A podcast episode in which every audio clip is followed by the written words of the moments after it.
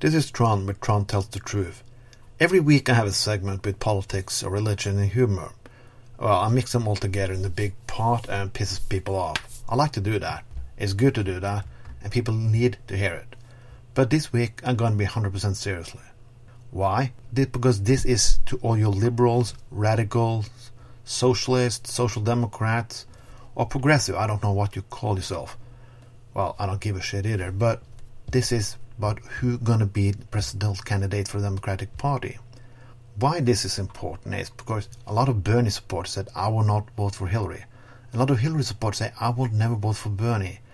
And who's then gonna be elected? Well, I'm gonna tell you who's gonna be elected.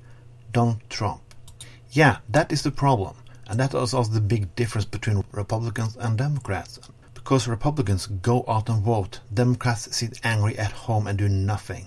That's why you had Bush for eight years. That's why you have a Congress with and a Senate full of Republicans when, uh, when most of the people of the country are liberal and want progressive politics. You don't go and vote because you don't want to vote or you're pissed off with politicians.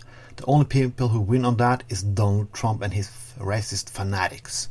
I love Bernie Sanders. I wish Bernie Sanders is going to be the next president of the United States. But if not Bernie Sanders who is winning, well, then I hope for the next best thing, and that's Hillary Clinton. That is not Donald Trump. I know that you're passionate about your candidate. Do you know what's going to happen on the Republican side? Even that Republican who hate Donald Trump will, even if conservatives hate Donald Trump, they will go and vote for him during the election. Democrats have to think the same. They have to rally behind their own people. It's not only going to be elected a president, but a new Congress and a Senate too. And you're going to sit home on that too? Because you don't like politics, you don't like Washington? Some people say, yeah, but you're Norwegian, why do you care? well, we do care. Because you are the mightiest nation in the world and you have the weapon targeted at us. But you know, if you not like examples from your own country, let's take an example from my home city here in Bergen, Norway. Many years ago, a lot of people didn't vote in the local election. You know what happened?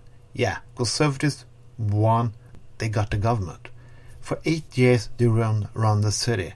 Now the city is broke. Very broke. And the environment politics and the radical solutions we need to save the country and the city is not implemented at all. After the last election, the last autumn, a lot, over 70% of people in my part of the town didn't vote. I asked them why, because they didn't like the politicians. Yeah, again, they the only people that's punished was themselves. And that's what's going to happen with Democrats too if you don't pull your head out of your ass during the elections this October. If you don't believe me, see that eight years George W. Bush run your country. Most of those eight years, he had a Congress and Senate with conservative majority. Is that what you want once more? A conservative president, a conservative majority in House and Congress, a conservative majority on the Supreme Court? Maybe that's funny, but you know who's going to lose on that? Everybody. Do you like your health care? Do you like Obamacare? Do you like abortion? Do you like that gay people can get married? Well, you can lose all of that if you don't pull a head out of your ass. I know your Bernie Sanders supporters are very passionate about your candidate. But if, if you're so angry if Hillary wins that you don't go and elect, then you're going to be punished, and you're going to be punished very hard but by the conservative majority. And that will go also Hillary Clinton supporters. You can have the fight and discussion now during the primaries. When the primary is over, you have to unite. And you have to unite hard. And you have to work together like you've never done it before. Because this election is not a joke. This is the future. It's all up to you. This was Trond Tells the Truth.